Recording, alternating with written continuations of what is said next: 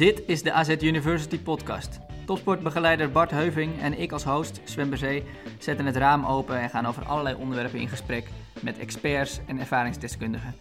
Leren door naar elkaar te luisteren dus. En dat ligt in het verlengde van het idee achter AZ University. Create your own success. Wij geloven in groei en ontwikkeling, ongeacht leeftijd en ervaring. Vanaf het Avas Trainingscomplex, de tweede aflevering van AZ University Podcast. We gaan het vandaag hebben over de Ramadan en hoe het is om daarmee als topsporter te dealen. Iemand die daarover uit eigen ervaring alles kan vertellen is Khalid Bolarus. Hij had een rijke loopbaan die hem in onder meer de Bundesliga, Premier League en Primera Division bracht. En ook kwam hij natuurlijk 35 keer uit voor het Nederlands elftal. Galit, uh, ja, tof dat je er bent. Ja. Um, wat niet iedereen over jou weet, is dat jij ook uh, in de jeugd van AZ speelde. Ja. Um, ja, hoe kijk je daarop terug? Hoe, hoe, was dat om in die tijd in de jeugdopleiding te spelen? Um, ja, ik was eigenlijk heel trots. Het was een, voor mij een hele mooie periode. Uh, tegelijkertijd een moeilijke periode. maar daar komen we straks wel even op terug. maar al met al, als ik zeg maar nu terugkijk op die periode, heb ik, hou ik er altijd een um, goed gevoel aan over. Ja, precies. Want, over welke tijd hebben we het precies? Eind vorige uh, eeuw? Nou, vanaf uh, 97, 98. Ja. Vanaf dat moment uh, kwam ik bij AZ binnenwandelen in de jeugd. En ik heb daar vanaf mijn, moet ik even goed nadenken, even kijken, ik was 13, ik was 14, vanaf mijn 14, 15e en tot mijn 18e heb ik, uh, heb ik bij AZ gespeeld. Dus vanaf de B-junior, A-junioren en één jaar in het tweede. En uh, ja, een hele mooie tijd. Uh, mensen ontmoet, mensen leren kennen. Ik ging hier ook naar school. Dus het was een hele intensieve periode. Uh, maar het voelde wel zeg maar, als een beetje... Ja, ik was van, van ochtends 7 uur mm. tot, tot een uurtje of zeven was ik... S'avonds was ik dan zeg maar onderweg. Hè? Dus ik werd s ochtends opgehaald met het busje, werd ik naar school gebracht. En daarna uh, ja, daarna ga je naar, uh, naar de club en dan doe je huiswerk en daarna ga je trainen en daarna word je weer met het busje naar huis, naar huis gebracht. Dus je bent echt 12 uur ben je op pad en het was, AZ was, was de hoofdgedachte. En ja, dus ik leefde eigenlijk AZ en ja, dat voelde een beetje als familie. Ja, precies. Maar het was soms misschien ook zwaar, wat je, ik weet niet of je daarop doelde net, maar... Nou, het was zwaar in die zin dat ik uh, die periode ook mijn vader verloor. En dat was eigenlijk een beetje een, de moeilijke periode voor mij, waarbij ik uh, eigenlijk op zoek was naar, uh, naar mezelf. En ja, ik, ik, ik, was, ik was altijd een gezellige jongen, een leuke jongen. En ja, dat zeg je niet snel over jezelf, maar, oh. maar ik, was, ik hield van gezelligheid, ik hield van lachen. En weet je, ik wilde altijd, om me heen wilde ik altijd dat het een, ja, het, het moest gewoon leuk zijn. Weet je, een fijne tijd moest ik hebben. Alleen op dat moment werd ik een, voelde ik mezelf een soort van slachtoffer en daar had ik best wel moeite mee. Dus ik was een beetje op zoek naar mezelf. Ik werd verbaal, werd ik wat mondiger. Um, en dat was, ja, dat was wel een groot verschil met de, de boela daarvoor. Dus ik heb daar wel een jaartje of twee over gedaan uh, voordat ik echt weer, uh, voordat ik dat heb kunnen verwerken. En dat maakte je allemaal hier bij AZ mee? Of ja. ik, ik, zeg hier, want we zitten nu op het Avond trainingscomplex, maar dat was toen natuurlijk in Alkmaar. Ja, dat was toen bij Alkmaar AFC 34. En uh, ja, twee jaartjes heeft het uh, in de A-junioren en uh, een jaar in het tweede. En uh, ik moet zeggen, ik werd wel door de club werd ik echt fantastisch opgevangen worden. Ze hadden begrip ervoor en ze gaven me de tijd en ruimte. Ik had toen trainer Hans de Koning, die mij echt geweldig heeft geholpen en gesteund. En die was dan zeg maar een soort van voetbalvader op dat moment voor mij. af en toe een schop onder de kont, af en toe een aai over je bolletje. En dat wist hij echt... Um, ja, hij wist de gevoelige snaar te raken bij mij. En, en ja, ik ging voor hem ook wel door het vuur. Ja, en die periode heeft jou misschien ook deels wel gevormd, kan ik me voorstellen. Ja, op dat moment ben je heel erg zoekende. Je, je weet even niet meer... Uh, nou ja, je leeft eigenlijk niet meer uh, in het moment. Je bent meer mm. bezig met het verleden. Dus je bent continu... Vraag je af van... Waarom mijn vader? Weet je, maar het is niet alleen mijn vader. Het is ook de vader van mijn broertjes en mijn zusjes. Alleen omdat je zit zo met je eigen emotie in verdriet dat je weinig oog hebt voor datgene wat om je heen gebeurt.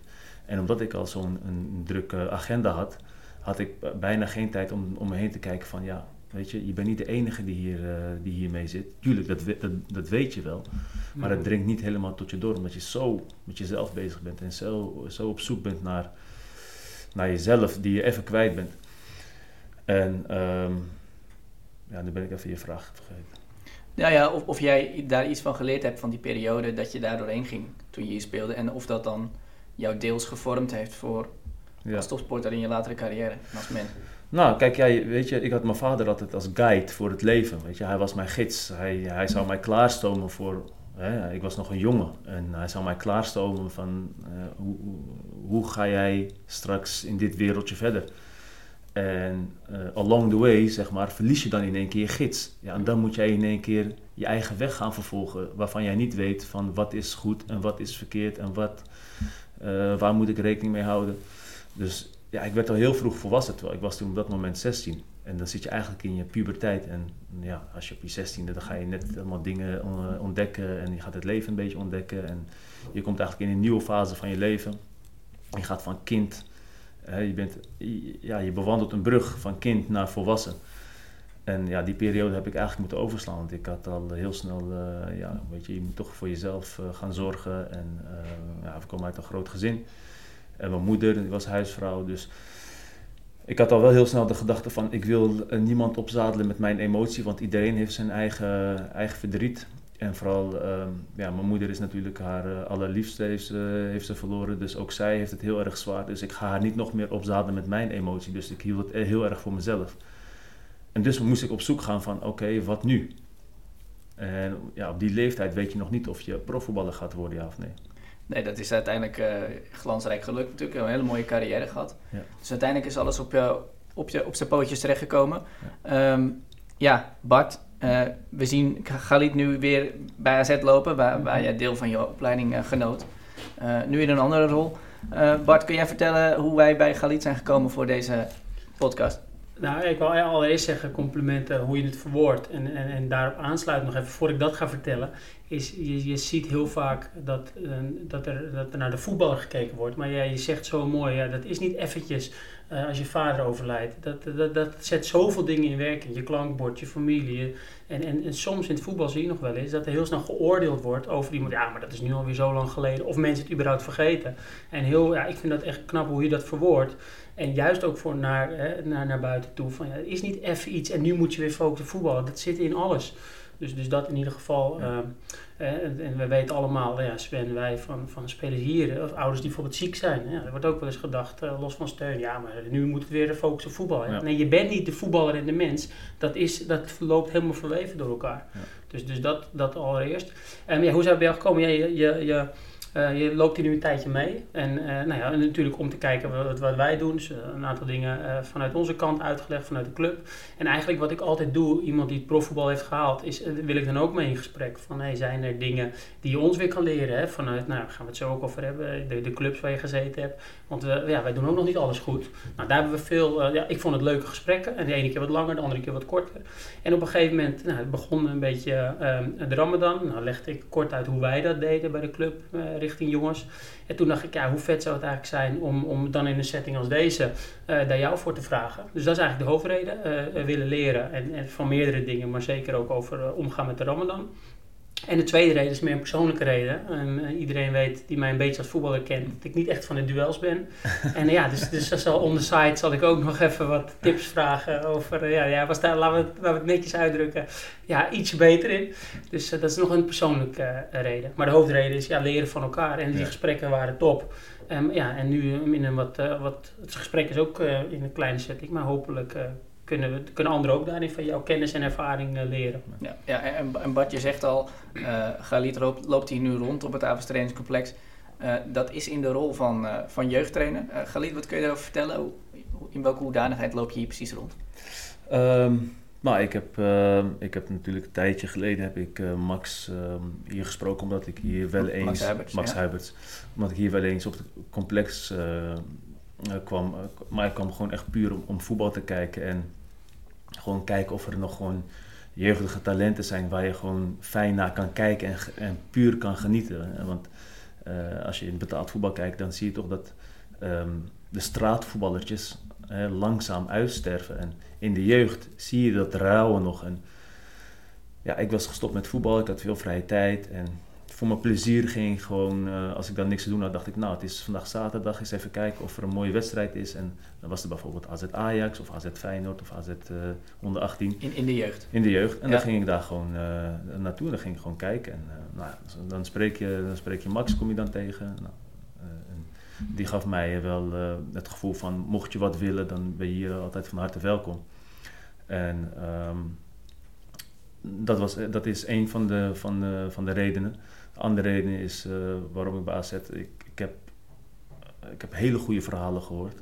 En uh, ook de ontwikkeling best wel uh, op een afstand in de gaten gehouden. In de zin van, wat doet zo'n club nu? hoe ontwikkelt de jeugd zich qua resultaten? hoe verhoudt dat zich tot, tot de topclubs? En en ik heb daar een hele mooie positieve ontwikkeling in gezien uh, als, je, als ik het vergelijk met mijn tijd. Weet je, AZ is enorm gegroeid, ook in de jeugdopleiding. Als je kijkt naar de resultaten, als je kijkt naar het talent, als je kijkt naar het aantrekkingskracht, als je kijkt naar het, uh, de uitstraling, naar de presentatie, naar de resultaten. In alle opzichten is AZ enorm gegroeid. En ja, dat is wel... Uh, dat, dat komt wel aan. En ook als je de mensen buitenaf hoort praten over hoe staat AZ de boek, zeg maar, bij de mensen buitenaf, is, is het allemaal positief. En de manier van voetballen, de manier van denken. Ik heb altijd gezegd, ik wil geen, geen trainer worden, want het is, uh, het is zo'n zo druk bestaan. En uh, als voetballer, als topvoetballer, ben je eigenlijk, ja, je wordt altijd geleefd. Ja, daar was je een beetje klaar mee na je actieve carrière misschien. Ja, weet je, het vliegen, hotel, bus in, bus uit, hotel in, hotel uit, vliegtuig in, vliegtuig uit weet je, op een gegeven moment was ik daar wel klaar mee. En het spelletje, daar, daar blijf je altijd wel van houden, dat, dat, wat op het voetbalveld gebeurt. Alleen alles daaromheen was ik echt klaar mee. We zien je op tv natuurlijk bijvoorbeeld. Ja. Dus je bent er altijd bij betrokken gebleven, maar deze rol had je niet voor je gezien eerder. Nee, dus ik heb altijd gezegd, nee, dat wil ik niet. Het is uh, eh, 24-7 en uh, dat, dat, heb ik wel weer gehad. Alleen op een gegeven moment, um, ja, ook bij, bij, uh, bij, bij Ziggo, uh, mijn collega's, nou Marco van Basten en, uh, en Ruud Gullit bijvoorbeeld. Marco zei ook tegen mij, daar moet je iets mee gaan doen, weet je wel. En ook met Robin van Persie, ja. een goede vriend van mij, heb ik het ook vaak over voetbal. En uh, ja, die motiveerde me eigenlijk gewoon van... Want, want, waarom zei Marco van Basten dat dan bijvoorbeeld? Want hij is nu natuurlijk een voorbeeld van iemand die tijdens zijn trainingscarrière misschien tot het besef kwam dat het niet helemaal voor hem was. Ja. Nou, maar dat is niet helemaal, dat, dat is niet erg. Ik bedoel, dat is ook een kwaliteit dat je... Maar hij herkende iets in jou dan? Nou goed, ja, ja, hij herkende wel best wel dat ik een bepaalde ervaring had wat ik mee kan geven aan, aan, aan de jeugd. En uh, dat ik een bepaalde doelgroep ook kan raken misschien. En uh, vanuit die gedachte eigenlijk zei hij van, daar moet je wat mee gaan doen. En toen dacht ik bij mezelf, ja, weet je, je kan wel altijd zeggen van nee, nee, nee, nee, nee. Maar ik vind dat je, je moet geproefd hebben om te weten hoe het smaakt. En uh, daarom heb ik gezegd, weet je, ik ga het gewoon proberen. En vanuit daaruit ga ik kijken hoe mijn gevoel zich ontwikkelt. Hè. Ik moet het eerst leuk vinden. Hè. Je moet dat plezier moet, moet bovenaan staan. Dat vind ik een absolute uh, motivatie voor mezelf. En dan stap 2 en 3 ga je kijken van oké, um, heb ik gevoel voor het vak? En zie ik het allemaal wel? Hè? Want ja, als voetballer op het veld staan, dan sta je er middenin, dan kijk je toch anders tegenaan als dat je aan de zijkant staat en je moet het uh, spelletje begrijpen, maar je moet het dan ook nog eens dusdanig uitleggen dat datgene hoe jij uh, voetbal ziet gebeuren, dat jouw spelers dat ook begrijpen en uit kunnen voeren. Dus dat zijn allemaal aspecten die moet je wel beheersen, vind ik dan persoonlijk. En dat is eigenlijk wat ik nu aan het, uh, aan het uitzoeken ben voor mezelf. Je bent nu aan het ontdekken. Van, en, en heb je er plezier in? Ja, zeker weten. Ik sta, ik sta met alle plezier op het veld. Nou, het weer werkt ook nog eens mee. Maar uh, los van dat vind ik het wel leuk om met de jongens bezig te zijn en om mijn ervaring uh, um, mee te geven. En ja, dan is het mooi dat als jij bijvoorbeeld tips of tricks mee kan geven aan de spelers en dat wordt opgepakt en dat de speler ook nog zelf ervaart en ziet van hé, hey, dat, helpt me, dat helpt me enorm. Weet je, dat, dat, is een, dat is een toevoeging aan mijn spel. Ja, dat, uh, dat, is, dat geeft gewoon een heel goed gevoel. En dat motiveert ook om, mm -hmm. om door te groeien. Bart, zie jij dat ook? Uh, ik neem aan dat jij ook wel eens met, uh, met Galit op de club uh, praat. herken jij passie voor het vak? bij hem? Ja, zeker, zeker. En, en wat je zegt over op het veld staan, dat, ik sta dan zelf weinig op het veld, bijna niet. Maar ik zie wel heel veel trainingen vanuit, vanuit binnen of vanuit langs het veld. Dus dan zie je het. Je ziet ook dat die jongens daar echt van, hé, hey, kijk, uh, hij zegt het, maar hij heeft het ook echt daarin meegemaakt, ook daarin geproefd. En niks ten nadele van een type zoals ik. Maar die doet het toch iets meer toch vanuit de theorie of ervaringen van anderen. Dus dat is hartstikke mooi om juist die wisselwerking te zien. En dan die ontwikkeling bij de jongens. Want dat, dat, dat straalt bij Galit er ook echt vanaf in zijn antwoord. Van ja, ontwikkeling zien bij mensen. Dat is ook mijn, vind ik het mooiste. Als je dat ziet, dat die jongens ermee aan de gang gaat. En ietsje pietje beter wordt. Hoeft niet meteen veel. Ja, dat is hartstikke mooi.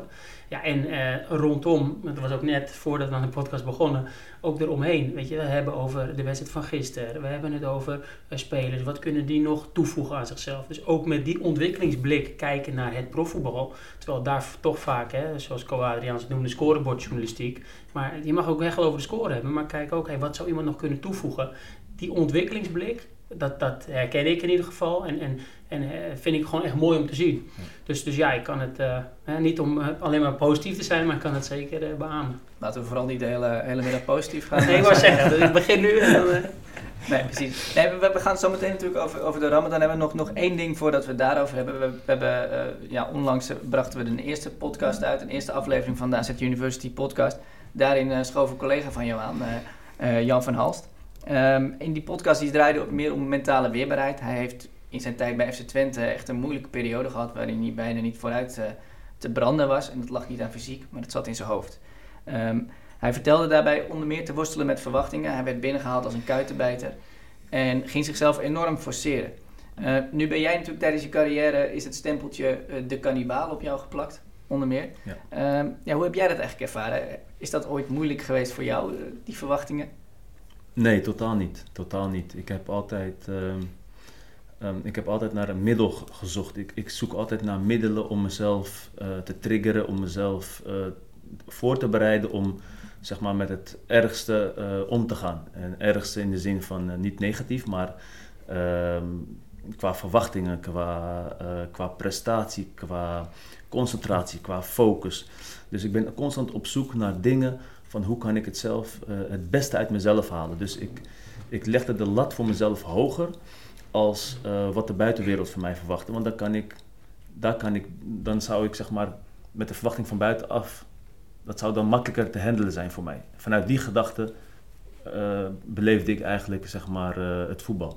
Ja. En ja, dat, dat, ja mij werd, ik werd de, de kannibaal genoemd. En het enige wat ik daar zo naar aan vond is ik wilde een voorbeeld zijn voor de kinderen.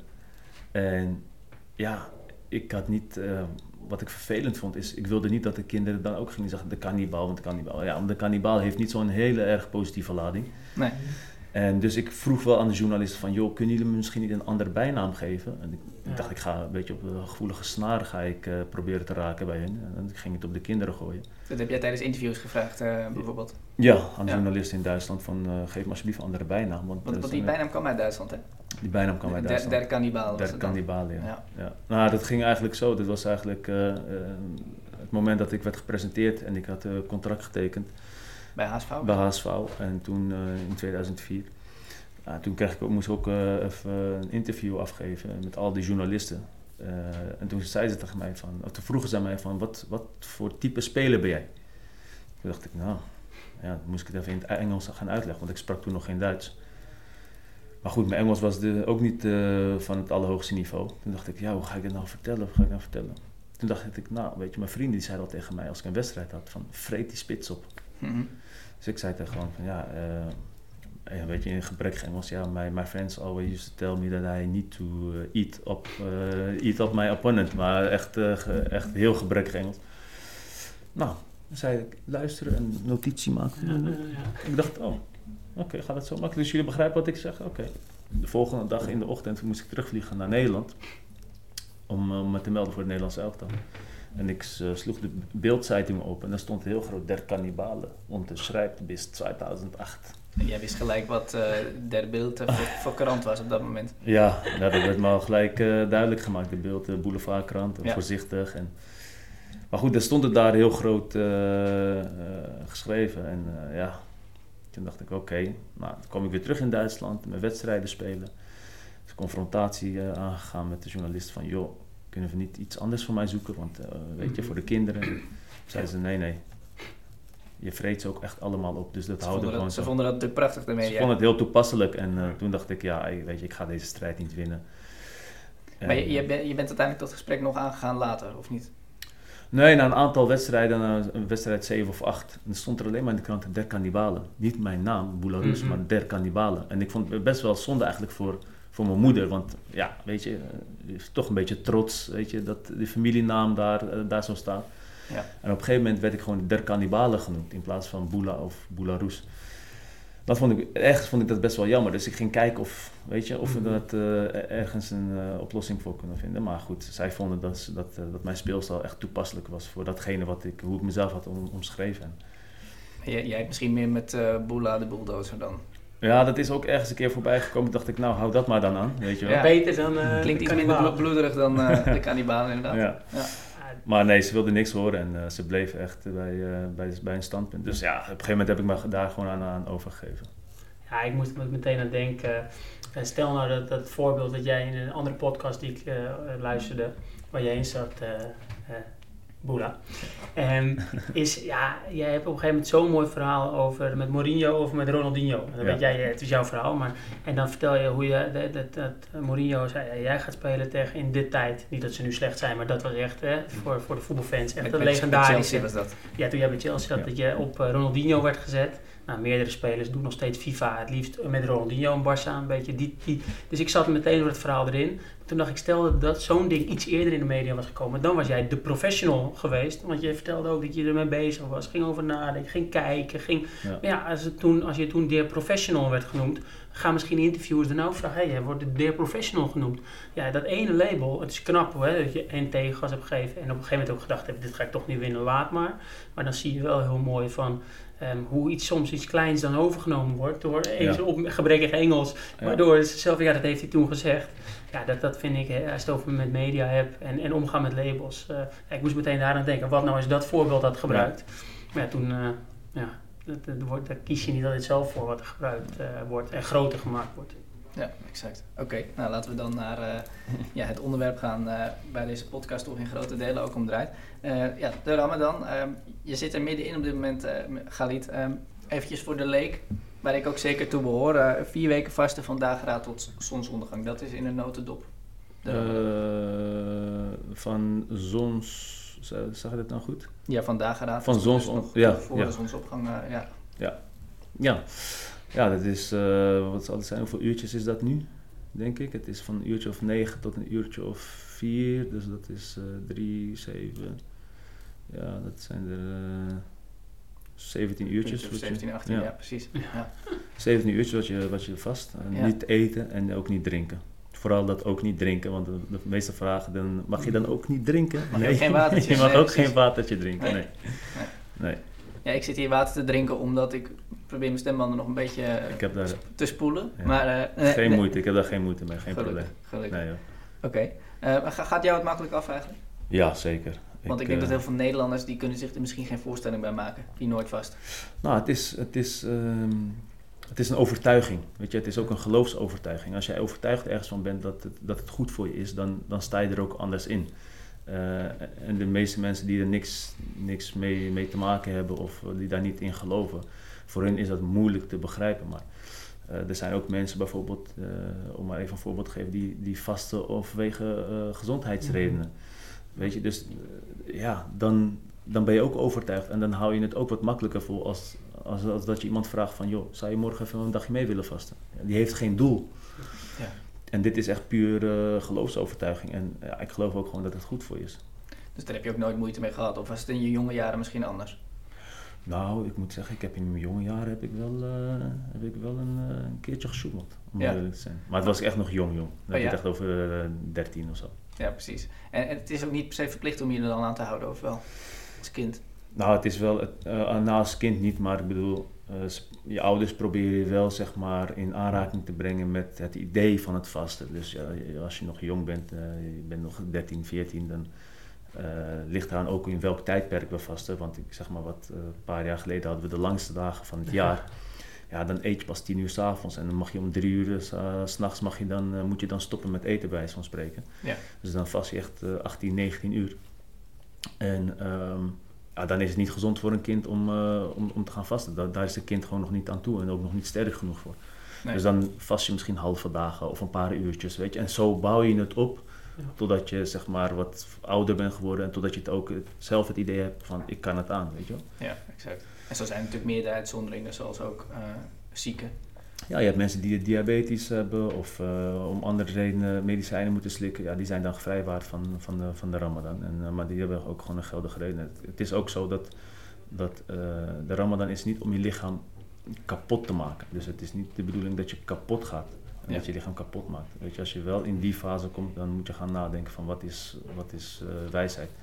Of eventueel, uh, als de dagen dan te lang voor je zijn, gevoelsmatig en, en uh, qua lichaam, gezondheid, dan is het misschien verstandiger om het dan in, in de winter in te halen. Maar goed, dat is allemaal persoonsgebonden, het zijn allemaal persoonlijke kwesties en, en ieder maakt die keuze voor zichzelf. Ja, het is niet direct godslastering op het moment dat je er niet heel strak aan houdt, bijvoorbeeld in nou, de kijk, die ervoor staan. Kijk, in, in de islam is het, eigenlijk niet, uh, is het eigenlijk niet aan de mens om de andere uh, te beoordelen. Daarvoor hebben wij God, Allah in, in ons geval dan, mm -hmm. die, die beoordeelt de mensen, die beoordeelt de daden van de mensen. en wij geloven ook dat je er daarop beoordeeld wordt en afgerekend wordt. En, dus het is niet aan ons om te zeggen van, joh, uh, jij bent uh, toch moslim, uh, waarom vast je niet? Weet je? Dat is, en ieder heeft voor zich, en je weet ook niet wat voor verhaal erachter zit als iemand wel of niet mhm. meedoet. Dus het is echt, je moet het, je moet het echt voor jezelf doen.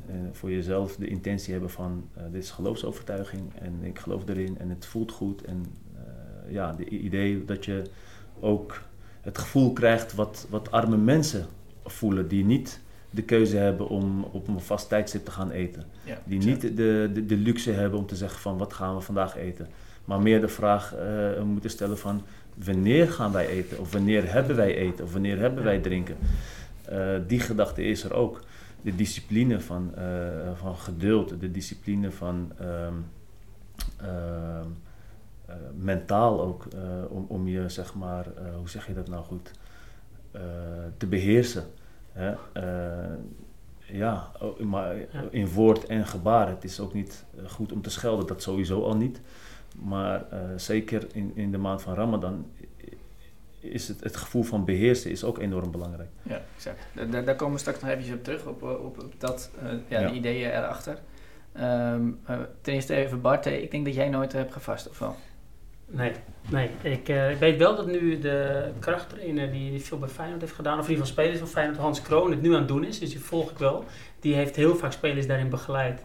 En die ging het doen. En toen had ik eigenlijk nooit over nagedacht. En, eh, want ik dacht ook, het is, moet ook niet iets zijn, ik ga het doen. Dat iemand denkt, hé, hey, dat past helemaal niet bij. Dus, dus ik weet dat hij het doet, zelf nog nooit gedaan. Hij heeft me wel aan denken gezet. Volgens mij de trainer van 113 hier ook trouwens. Ja? Die, die, heeft ook uh, eventjes ja, uh, kort uh, meegedaan om ja, maar ik weet, oh, nou, solidariteit naar ik zijn weet wel, maar ik dacht dat hij het is wel wat, wat Boela net goed zegt, meer ook om gezondheidsredenen. En, maar goed, nee, wat ik heel mooi vind, en die, en dus ik heb het nee niet zo gedaan, maar wat ik heel mooi vind wat je uitlegt, is um, de, de vraag waarom je het doet. Hè? Dus vanuit een bepaalde geloofsovertuiging. Ik zag heel veel in de sport dat mensen vanuit hun eigen vakgebied, en of het nou is de, de sportpsycholoog, de arts, de, de uh, diëtist, de trainer, heel erg vanuit hun eigen kader meteen met tips ging strooien. Ik ook, hè. toen ik uh, een aantal jaar geleden bij AZ begon, dacht ik ook, ja, omgaan met Ramadan, oh, die doen, dan ga ik zeggen, je moet dit, je moet dit, je moet dit.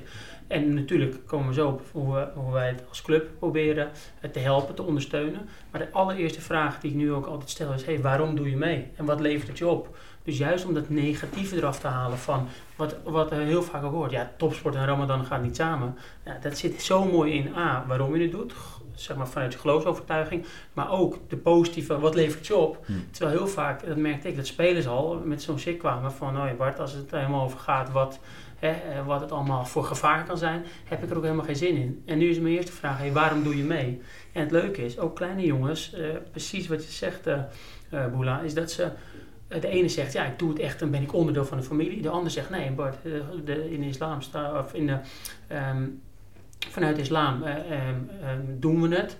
Dus die gooide meteen. En die andere jongens ook meteen, nee Bart, wij hebben het best wel goed thuis. Dus ik wil eigenlijk, wat je net ook mooi zegt, mee, echt mee voelen. Niet alleen meedenken, maar echt mee voelen hoe het voor iemand is. Waardoor hij het niet heeft. Waardoor ik en dat voel. Maar en toen zei hij zelf uit zichzelf, dus een jongetje was van onder 15. Die zei, maar ik heb daarna ook uh, profijt van. Want ik heb veel meer discipline. Dus ik zie het ook echt als een soort, hij zei letterlijk, ik zie het ook als een soort van training. En toen wees hij naar zijn hoofd. Ja, hartstikke mooi. Ja, ja. Je, je slaat die link al eventjes naar het, het, spe, het speler zijn, het topsporter zijn. Um, ja, hoe ging jij daar als, uh, als topsporter uh, mee om met de Ramadan? Het was bij tijd en wijle was het zeker zwaar. Ik bedoel, uh, topsport is op zich al zwaar, omdat je elke dag tot het, je probeert elke dag tot het gaatje te gaan. Je probeert jezelf ehm, exact. tot het maximale te dwingen en te pushen. En als je daar ook nog eens de Ramadan bij doet, uh, het, is, ja, het is 29 of 30 dagen achter elkaar. Dus je kan wel begrijpen dat je langzaam, um, langzaam in, het, in je reserve gaat. Ik had altijd het idee dat de eerste twee weken had ik nog een reserve van, van het jaar daarvoor, weet je, dan heb je nog een buffer. En daarna moet je, moet je heel scherp en alert blijven van hoe voel je je, uh, hoe, voel je hoe vul je, zeg maar, je, je voedingsstoffen aan. En hoe zit je met je rust? Dus dat is wel enorm belangrijk. En kijk, zit je in Nederland en is het wat minder warm en uh, ja, dan verlies je wat meer, misschien wat minder vocht. Dan is het misschien wat beter te, te, te handelen en te managen dan bijvoorbeeld, ik speelde bij Sporting Lissabon, ja, het was het 30 graden. En ja. toen zaten we midden in, uh, trainden in the middle of nowhere, waar de hitte nog ja. nog, ja. nog, nog warmer was. En, en, het is natuurlijk nooit, het is niet altijd op het, het is nooit op hetzelfde moment, zeg maar, de, mm. de Ramadan. Um, ja. Dus als het in de zomer is, dan heb je extra pech eigenlijk. Ja, om even voor de mensen duidelijk te maken, de Ramadan verschuift plus minus elke, elk jaar met 14 dagen zeg maar, ja, naar voren. naar voren of naar achter. Het is maar net hoe je uh, richting... Ja. We gaan nu zeg maar steeds meer richting januari. Oké, okay, ja.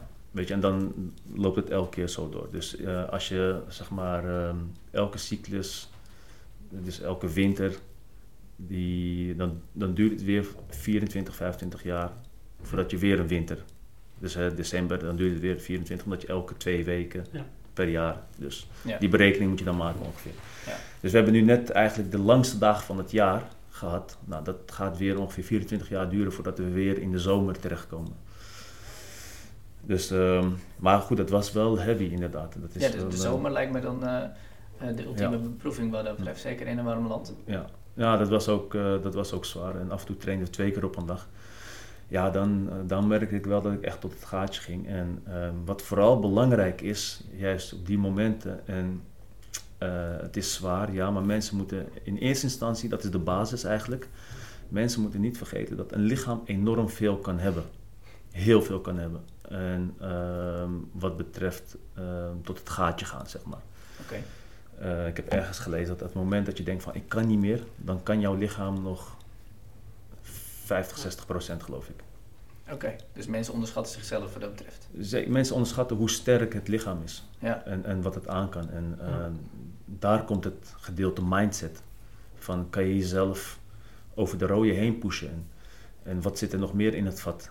Terwijl ja. jij al denkt dat jij in het rood zit, maar er zit misschien nog heel veel in. En dat, dat merk je wel met de Ramadan. Dat, je, dat jij niet eet. En dan zie je toch dat je door je mindset en daarop in te stellen en daarop voor te bereiden en daar naar te leven, dat je toch heel ver, heel ver kan komen. Ja, want heb jij het wel eens gemerkt dat je dan minder kon presteren op een training of een wedstrijddag? Nou, ik moet zeggen, ik heb, uh, ik heb het één keer geprobeerd met een wedstrijd. Ja. En uh, was in de Bundesliga. En toen was het, uh, ja, ik ben als verdediger speel ik met heel veel kracht, omdat ik, ik kom heel veel in de duels, uh, heel veel sprints, heel veel. En ik kan mijn acties niet zelf bepalen, want ik moet reageren op de spitsen. En omdat je duels moet aangaan, je moet continu springen en je moet continu. Dus ik, ik speel met heel veel kracht. Sorry, pardon. Ik speel ja. met heel veel kracht en ja, dat kostte mij heel veel energie.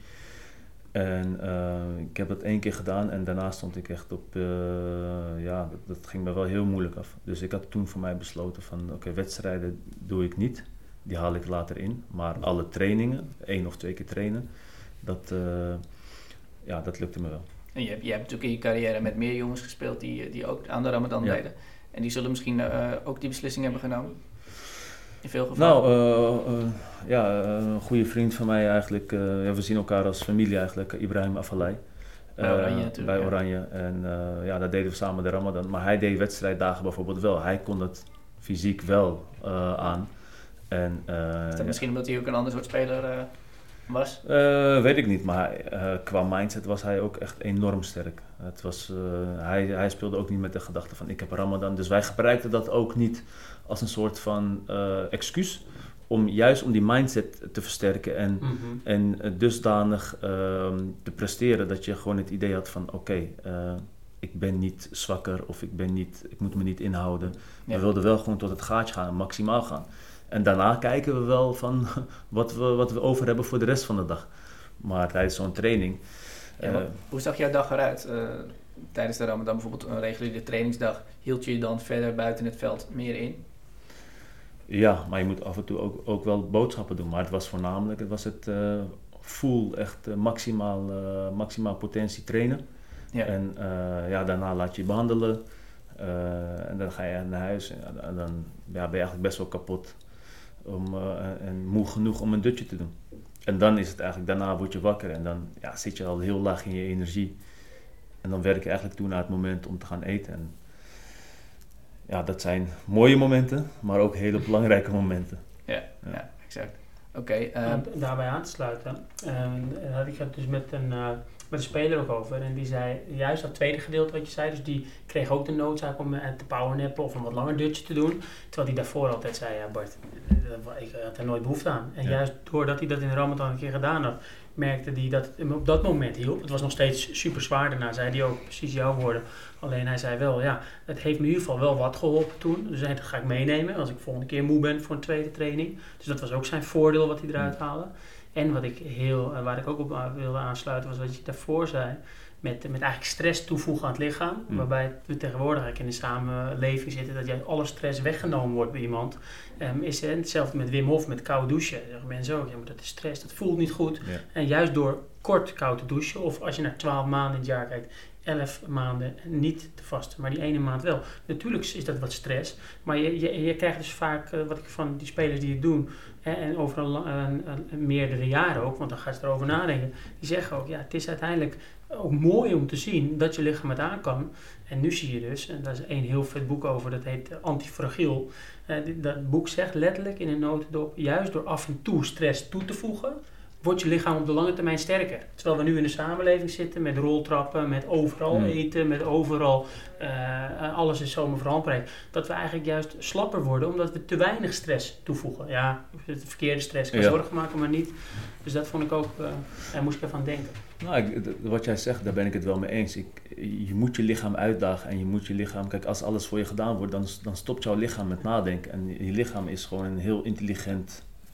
Ja. noem het, Ja. Hoe, noemen, hoe mogen we het noemen? Heel intelligent, ja. En als jij stopt met uitdagen, ja, Ja. dan, dan brokkelt het af. Precies. En eh, je moet af en toe stress, je moet af en toe triggeren, je moet af en toe, omdat je op zoek gaat naar eh, oplossingen, weet je, en eh, het maakt je lichaam ook sterker. En Ja. het be- allerbelangrijkste van dit is, eh, los van dat het eh, ergens ook je lichaam reinigt, maar dat je als persoon, als sporter dan in dit, in dit geval, je lichaam leert kennen. Van hoe ver kan ik gaan? Ja. Want vaak hebben we, hebben we het idee dat je denkt van ik ben helemaal kapot. Maar in zo'n ramadan leer, leer je dus en besef je dus dat je nog veel dieper kan gaan als, als dat je dacht. Je zou bijna zeggen, je, je moet alle spelers eh, mee laten doen. Nou, Minimaal kijk, één keer. Weet je, weet je wat, voor, met wel, wat voor idee ik eh, eigenlijk, eh, gewoon puur om, om mezelf een beetje in de maling te nemen en, en om het zelf, mezelf een beetje makkelijk te maken. Ik had altijd gewoon het idee van, ik zei altijd tegen mezelf, joh, jij gaat gewoon lekker trainen, maar je bent vergeten te ontbijten. Ja. En, en dan dacht ik niet na van, wat, hè, de rest van de dag, nee, is niet mijn probleem. Ik ben gewoon vergeten te ontbijten, ik ga lekker trainen, dat is prima. ja, precies. Dus met die gedachte heb ik helemaal niet het, een idee. Ik heb een achterstand op, op diegenen die Mhm. wel hebben gegeten of ontbeten. Dat was helemaal. eh, dus ik ging gewoon vol.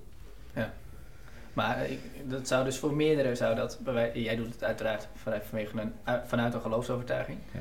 En dat zou een, een niet-moslim niet doen. Maar alsnog zou het hem wel wat kunnen leren over zijn lichaam. Zeker. Ja. Zeker weten. Daar ben ik wel 100% van overtuigd. Net zoals er genoeg mensen zijn die, eh, eh, die doen ook intermittent vasten. Nou, daar mag je Mhm. volgens mij nog wel bij drinken.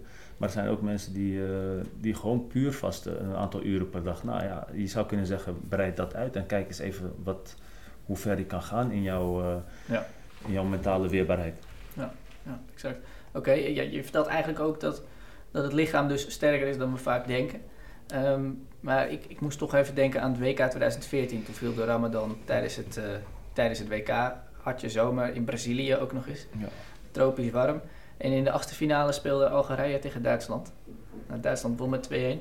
Ehm, ja, is dat dan wel eerlijke concurrentie op zo'n moment? Ehm, ja, is het eerlijk concurrentie? Is het ook eerlijk concurrentie? Kijk, het is een geloofsovertuiging en eh, je doet het voor jezelf en vanuit jezelf. En, ehm, maar ik vind het, ik vind het gewoon eh, knap, maar ik, ik, ja, ik kan me daarin vinden dat ze daarvoor kiezen. Ehm, neem niet weg dat, dat Duitsland ook zonder de Ramadan misschien wel had gewonnen van Algerije. Ja, Dus ik al- vind het al op werd zich... Al werd het dus maar 2-1. Maar, Ja, dat ja, ik dus. ja, ik kan hem ook omdraaien. Ja, maar, nee, maar, dat, maar, maar dat- is, dan kom je weer terug op, op datgene wat je. Het geeft je zoveel kracht. Weet je, als je, in, eh, als je in datgene gelooft wat je doet. Ja. En als je dat ook nog samen doet, die saamhorigheid. Ja, dat kan een enorme, Mhm. een enorme ketting eh, veroorzaken. En als je vanuit die. ehm, eh, hoe zeg je dat? Eh, Vanuit die. Ehm, bond. Oh ja. Ja, vanuit die bond samenwerkt en opereert, ja, dan kan het gewoon een, een heel speciale, speciaal gevoel geven tijdens zo'n toernooi. E- Eigenlijk is mijn, mijn insteek van die vraag is misschien een beetje negatief. Hè? Van dat, dat de Ramadan alleen maar roofbouw op je lichaam eh, pleegt. Eh, heb je het idee ook dat, dat vaak de, ja, de vibe rond Ramadan vanuit mensen die het niet beleiden, dat die wat negatief is? Dat, dat het eigenlijk veel positiever zou moeten zijn ook? Mm, nou, ik, ik, ik zou eh, negatief, positief, ik, ik denk dat het meer onwetendheid is. Mhm. Weet je, en ik ben altijd eh, iemand die vindt van, ehm, als je het zelf niet hebt meegemaakt, dan is het best wel moeilijk om erover mee te praten. Tuurlijk, je kan je mening geven, je kan je visie geven, je, eh, je hebt een Ja. bepaald gevoel.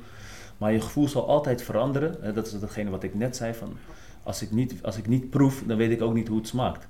Exact. En dat is, in dit geval is het, eh, ik, ik noem het niet negatief, omdat de mensen gewoon onwetend zijn over hoe dat nou werkt met zo'n lichaam, hoe, hoe zwaar het is en wat komt er allemaal bij kijken en wat voor gevoel krijg je als je, Ja. als je aan het vasten bent. Weet je, mensen denken dat het alleen maar negatief is, maar je vindt ook een bepaalde rust. Weet je, je, bent, je mag niet eten, je mag niet drinken, dus je, je, ehm, je, je, ja, je plant je dag eh, dusdanig in. Mhm. Kijk, tuurlijk, mensen moeten naar kantoor, mensen moeten werken, mensen moeten gewoon hun ding doen. Maar je houdt wel rekening met je energiehuishouden. En, eh, dus je bent meer aan het plannen, je bent meer aan het organiseren. Dus je, je Ja. bent meer aan het, weet je, het is meer stabieler. Het is, er is wat meer rust in je kop. En, Ja. Dus je kan er heel veel dingen uithalen. Ja, precies. Dat, dat, dat bedoel ik ook een beetje van dat, dat er misschien vaker gewezen zou moeten worden op de, de mooie kanten ervan. Nou, ik, ja. Oh, sorry. Nou, Het enige wat ik zou eh, willen zeggen aan de mensen die, die, eh, die onwetend zijn of, of een negatief gevoel hebben over de Ramadan, probeer het eens een dagje. Niet, niet zozeer vanuit een geloofsovertuiging, maar probeer het gewoon een keer een dagje om te kijken van hè, hoe voel ik me daarbij? Wat, wat geeft het mijn lichaam? Hè, want eh, aan de andere kant, los van, eh, van de Ramadan, islam of wat dan ook, vaak stoppen we ook heel veel troep in ons lichaam naar binnen. En eh, wat nou als je een keer een dag vast, dan geef, je, dan geef je je lichaam heel veel rust. En dat onderschatten de mensen, denk ik. Dus ik denk dat je soms je lichaam meer pijn doet door die troep die je naar binnen doet, dan als dat je vast. Exact. Ja, ik, ik wou eh, aansluiten op wat jij zei over onwetendheid. Het is vaak inderdaad, als je ziet als er onwetendheid is, wat gaan mensen dan doen? Wel niet meteen, maar vaak op lange termijn wel oordelen. Van, ah, dat gaat, eh, wat ik net zei, dat gaat niet met topsport samen. Terwijl als je je dus in plaats vanuit onwetendheid gaat oordelen, even stop met het oordeel en gewoon vraagt. Hè? Dus in dit geval, nou, daarom ben ik ook blij dat we het nu zo doen. Want anders hadden wij het ook over dit onderwerp gehad, maar dan had niemand het gehoord. Ja. En, en uiteindelijk is het gewoon begrijpen waarom iemand het doet. Wat hij ook al geleerd heeft in de jaren. Wat hij er positief uit haalt. Wanneer het wel zwaar was. Dat hij dus op een wedstrijddag niet. Een andere eh, jongen vertelde mij wel eens, Bart, wij, eh, ik doe het... ehm, ehm, dat was eh, een speler die zei, ik doe het eigenlijk altijd, maar ik heb ook een, een dag was ik ziek, ja, toen heb ik hem ingehaald. Oh, interessant. En wanneer Ja. haal je dat dan in? Juist minder oordelen, meer begrijpen. Ja, daarom ben ik blij dat we het hierover hebben. Ja, en ehm, heel simpel, of klinkt heel simpel, maar uiteindelijk heb ik ook, toen we hè, deze podcast aan het voorbereiden waren, eh, Sven en ik, ook mensen die zeiden, ja, maar zijn jullie dan wel degene die het over Ramadan moeten hebben? En hoe ga je dat? Ja, juist. En, want natuurlijk, het zou ook kunnen, of juist klinkt gek, maar kan ook zeggen, nee, daar mag je niet over hebben. Dan hou je dus die onwetendheid. Dan ga er gewoon mee in gesprek. Ehm, eh, maar wat, wat het je oplevert, wat je doet. En, en dat stukje minder oordelen, meer begrijpen. Ja, dat, dat zit gewoon heel mooi in je antwoord. En dat vind ik, eh, ja. Het kan op meerdere vlakken, ook los van de Ramadan. eh Ja, van ja. veel mensen wel eens. eh, Nou, dat, dat, dat wil ik eigenlijk ook zeggen, weet je. Ja. Kijk, eh, test het eens voor jezelf uit. En ehm, het hoeft niet per se vanuit een geloofsovertuiging, weet je. Maar kijk eens wat het voor je doet. Misschien vind je haal je er wel hele positieve dingen uit. Terwijl jij er heel negatief tegenover staat. Of, of tegen het eh, negatief tegenaan kijkt. Ja. Weet je, dus probeer het gewoon eens als, als een experiment. Exact.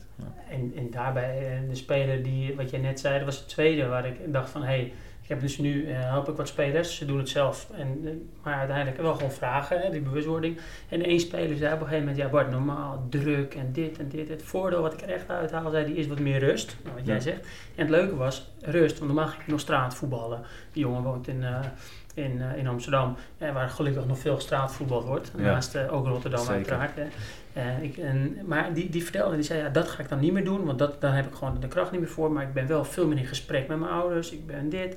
En hij zei, Bart, normaal lezen heb ik niet zoveel tijd voor, maar nu ja, pak ik wel eens een boek erbij. Heeft u nog een tip? Nou, toen, eh, Sven, we hebben het er vaak over boeken.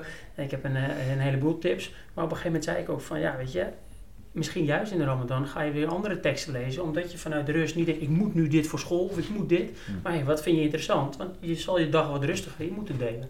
En eigenlijk precies jouw woorden, hoe die het zei. En toen dacht ik, ja, eh, zo had ik er ook nog nooit naar gekeken. Ik dacht altijd, je mag niet eten, je zit constant.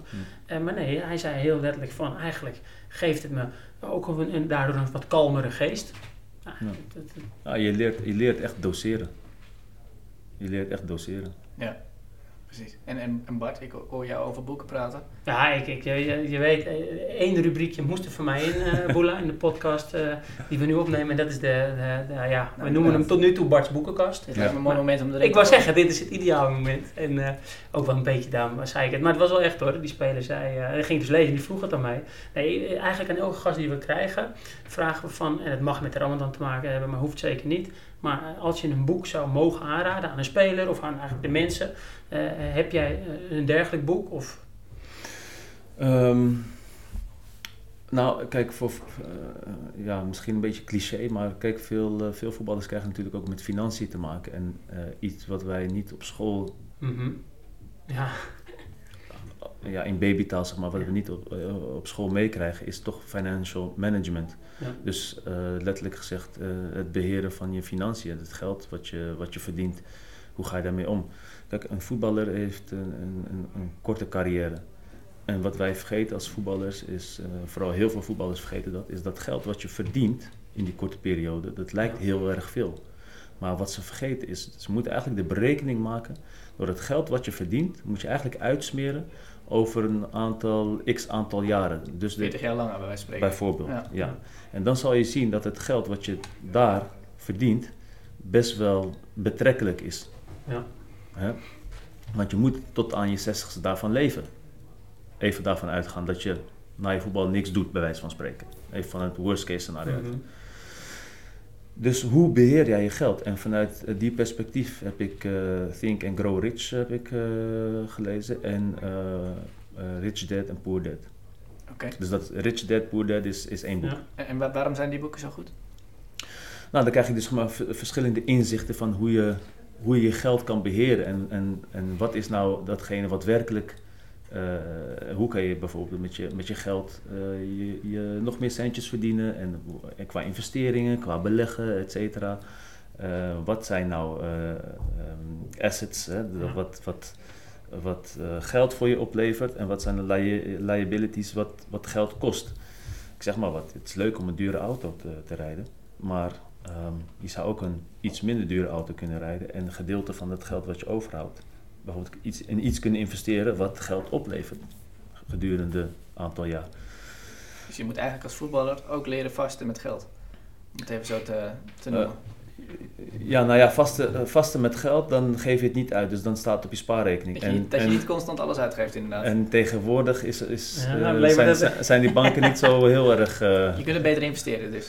Ja, goed. En kijk, als je die kennis niet hebt, dan moet je dus op zoek gaan naar kennis. Nou, Ja, kijk, mooi. dat, soort- dat soort boeken, die geven je dus langzaam een klein inzicht van, oké, hoe werkt het nou eigenlijk precies? En ehm, ja, weet je, Nou een duur, ja. ja, een Ja. duur horloge, een duur... Maar je kan beter, ehm, nu ga ik het even heel, eh, heel zakelijk zeggen. Je kan beter bijvoorbeeld, ik zeg maar wat, we gaan even een rekensommetje maken. Je verdient 1000 euro, ja? Ehm, van die 1000 euro kan je misschien een mooie, wat, wat, wat, gaan, wat gaan we zeggen, 1000 euro, iPhone, Een iPhone. zeg ik maar wat. Je koopt een iPhone van 1000 euro.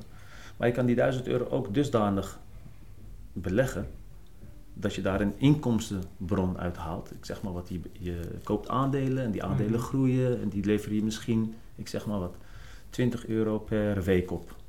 Nou, dan heb je 20 euro, 20, 40, 60, 80, heb je 80 euro per maand. Kan je nog steeds geen iPhone van kopen, maar misschien aan het eind van het jaar wel. Nou, dan heb je dus en die 1000 euro die je belegd hebt, Mhm. en je hebt dan aan het eind van het jaar heb je ongeveer 800, 900.000 euro die, uit, die een extra inkomstenbron. En daar moet je dan je spullen van kopen. Dus niet van datgene wat je verdiend hebt, maar het geld wat voor jou werkt, daar moet je dan je spullen van gaan kopen. Want dan Ja. blijft je het verdiende geld gegarandeerd en dit levert geld op. En daar zou je dan je spulletjes van moeten kopen. Bart, is, dit, is dit een tip waar... eh, Nou, dit is zeker een goede tip. En toevallig ook iets wat eh, je zegt, dat, eh, goed, het wordt niet op scholen uitgelegd, of niet, in ieder geval weinig. Wij zijn toevallig aan het kijken om een, een- dit thema ook meer nog in de jeugdopleiding te krijgen. Juist om spelers op voor te bereiden. En dat betekent niet alles, dus dat kan niet. Maar wel in ieder geval dit, dit rekensommetje, hoe je me net uitlegt. Toevallig eh, gaan wij ze, hebben wij ook op de rol staan over een tijdje pas iemand om in deze podcast daar ook echt helemaal op in te zoomen. Dus mooi dat, dat, dat die nu alvast hè, een beetje voorwerk hebben gedaan. Nee, die, die van Napoleon Hill, die Think and Grow Rich, die heb ik wel gelezen. En Ja. vanuit een andere insteek, maar inderdaad, dit kwam er ook naar voren. Die andere niet, die Rich Dad Poor Dad, maar zie ik wel, toevallig zag ik hem later bij Fabian Sporksleden Ja. een keer voorbij komen. Die nu in het mooie Georgië zit.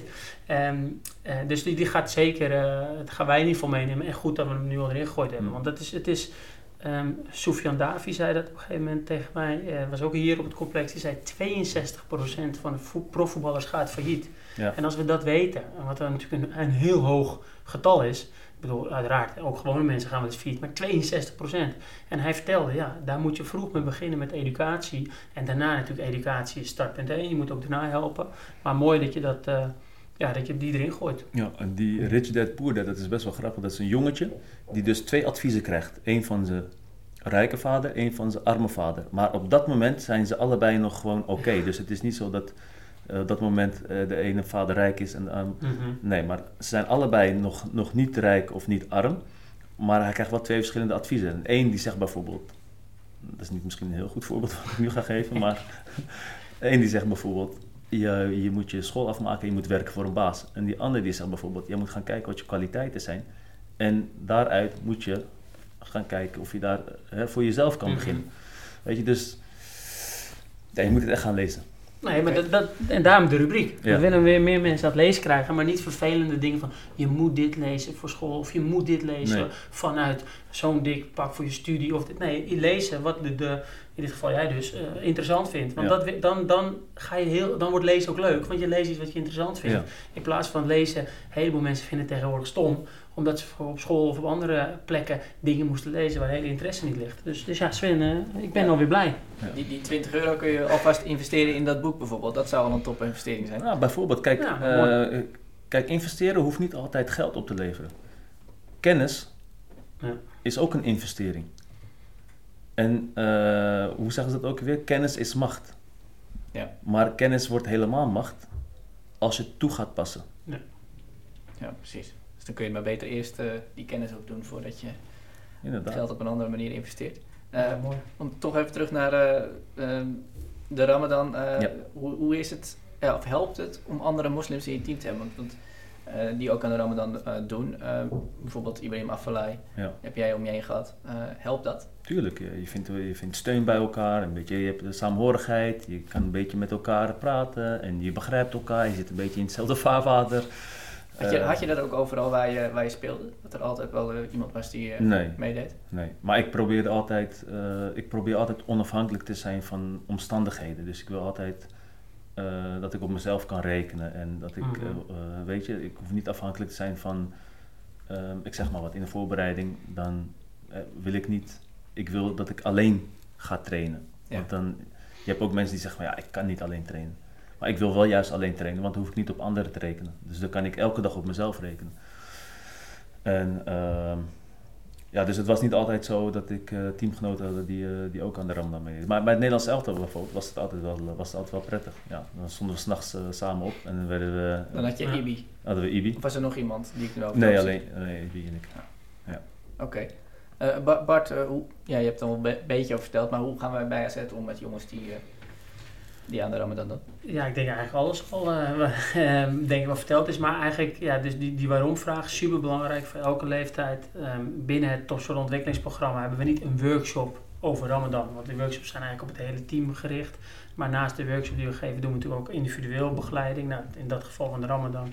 Eh, ja, heel simpel. Eh, eigenlijk onder 13 beginnen wij. we willen gewoon weten of je het, wij, ik, de trainers, iedereen eigenlijk, van hey, of je meedoet. En, en in de onder 13 bijvoorbeeld heel speels. Nou, eh Boela, jij bent even 13. Ehm, jij gaat eraan meedoen. Hè? Dus het gesprek gewoon waarom. Maar dan ook heb je een plan voor jezelf hoe je het eh, gaat doen. Dat plan hoeft niet meteen top te zijn. Het gaat alleen al het plan. Hè? Hoe je het gaat combineren met topsport. Dus niet of-of, want het gaat niet samen. Hoe ga je het combineren? Dat is het plan. Onder 15 hebben ze dan dat twee keer gedaan. Hè? Onder 13, onder 14. Onder 15, nou kom eens. Wat is jouw plan geweest? Hoe werkt dat? Wat is jouw? Dus dan ga je het liefst met twee, drie jongens. Dit, dit jaar onder 15 waren het er drie. Nee, eh, geef elkaar eens tips. Het klinkt dus heel simpel, maar alleen al geef elkaar eens tips. Gaan ze het wel over hebben. Ik wil niet zeggen dat ze het anders in de kleedkamer niet over hebben, maar het, de, de kans is niet verkleinen. Ja. Ehm, en, en dan eh, eh, heb ik ook op de sheets wat tips staan op verschillende vlakken. Dus het is niet alleen maar eet dan en eet dit. Daar hebben we het uiteraard over, maar ook over het dutje gooien we erin. Maar ook over het plannen van je trainingstijden. Ik zeg dus natuurlijk de teamtraining zal je moeten volgen. Maar ga je in overleg met je krachttrainer of met je trainer. Of je bijvoorbeeld de, de krachtoefeningen die je normaal eh, 's smiddags moet doen. Of je die, eh, als je die gewichten thuis hebt, of met andere gewichten. Als je, pak je twee bakstenen uit je tuin, of je dat s'avonds mag doen. Eh, dus dan is het wat meer een workshop idee. En onder 18, eh, jong, ja, dan hebben ze als het goed is dat hele programma doorlopen. Ja, dan is het veel meer van, hé, hey, wat heb je afgelopen jaren geleerd? Succes bij, bij tips. eh, of eh, sorry, heb je extra hulp nodig van mij of een andere, kom naar ons toe. Dus eigenlijk die, die opbouw. Ja, en wat ik gewoon heel leuk vind in die gesprekken is dat, dat natuurlijk, ik lees me wat meer in op de wetenschappelijke studies, die ook echt aangeven als je gezonde dingen blijft eten s'avonds en je slaap overdag wat inhoudt, hoeft het je prestatie niet per definitie in de weg te zitten. Hè? Maar, maar dat stukje mentale kracht, dat is ik geloof van de jaren door de gesprekken met de jongens echt steeds meer erin gekomen.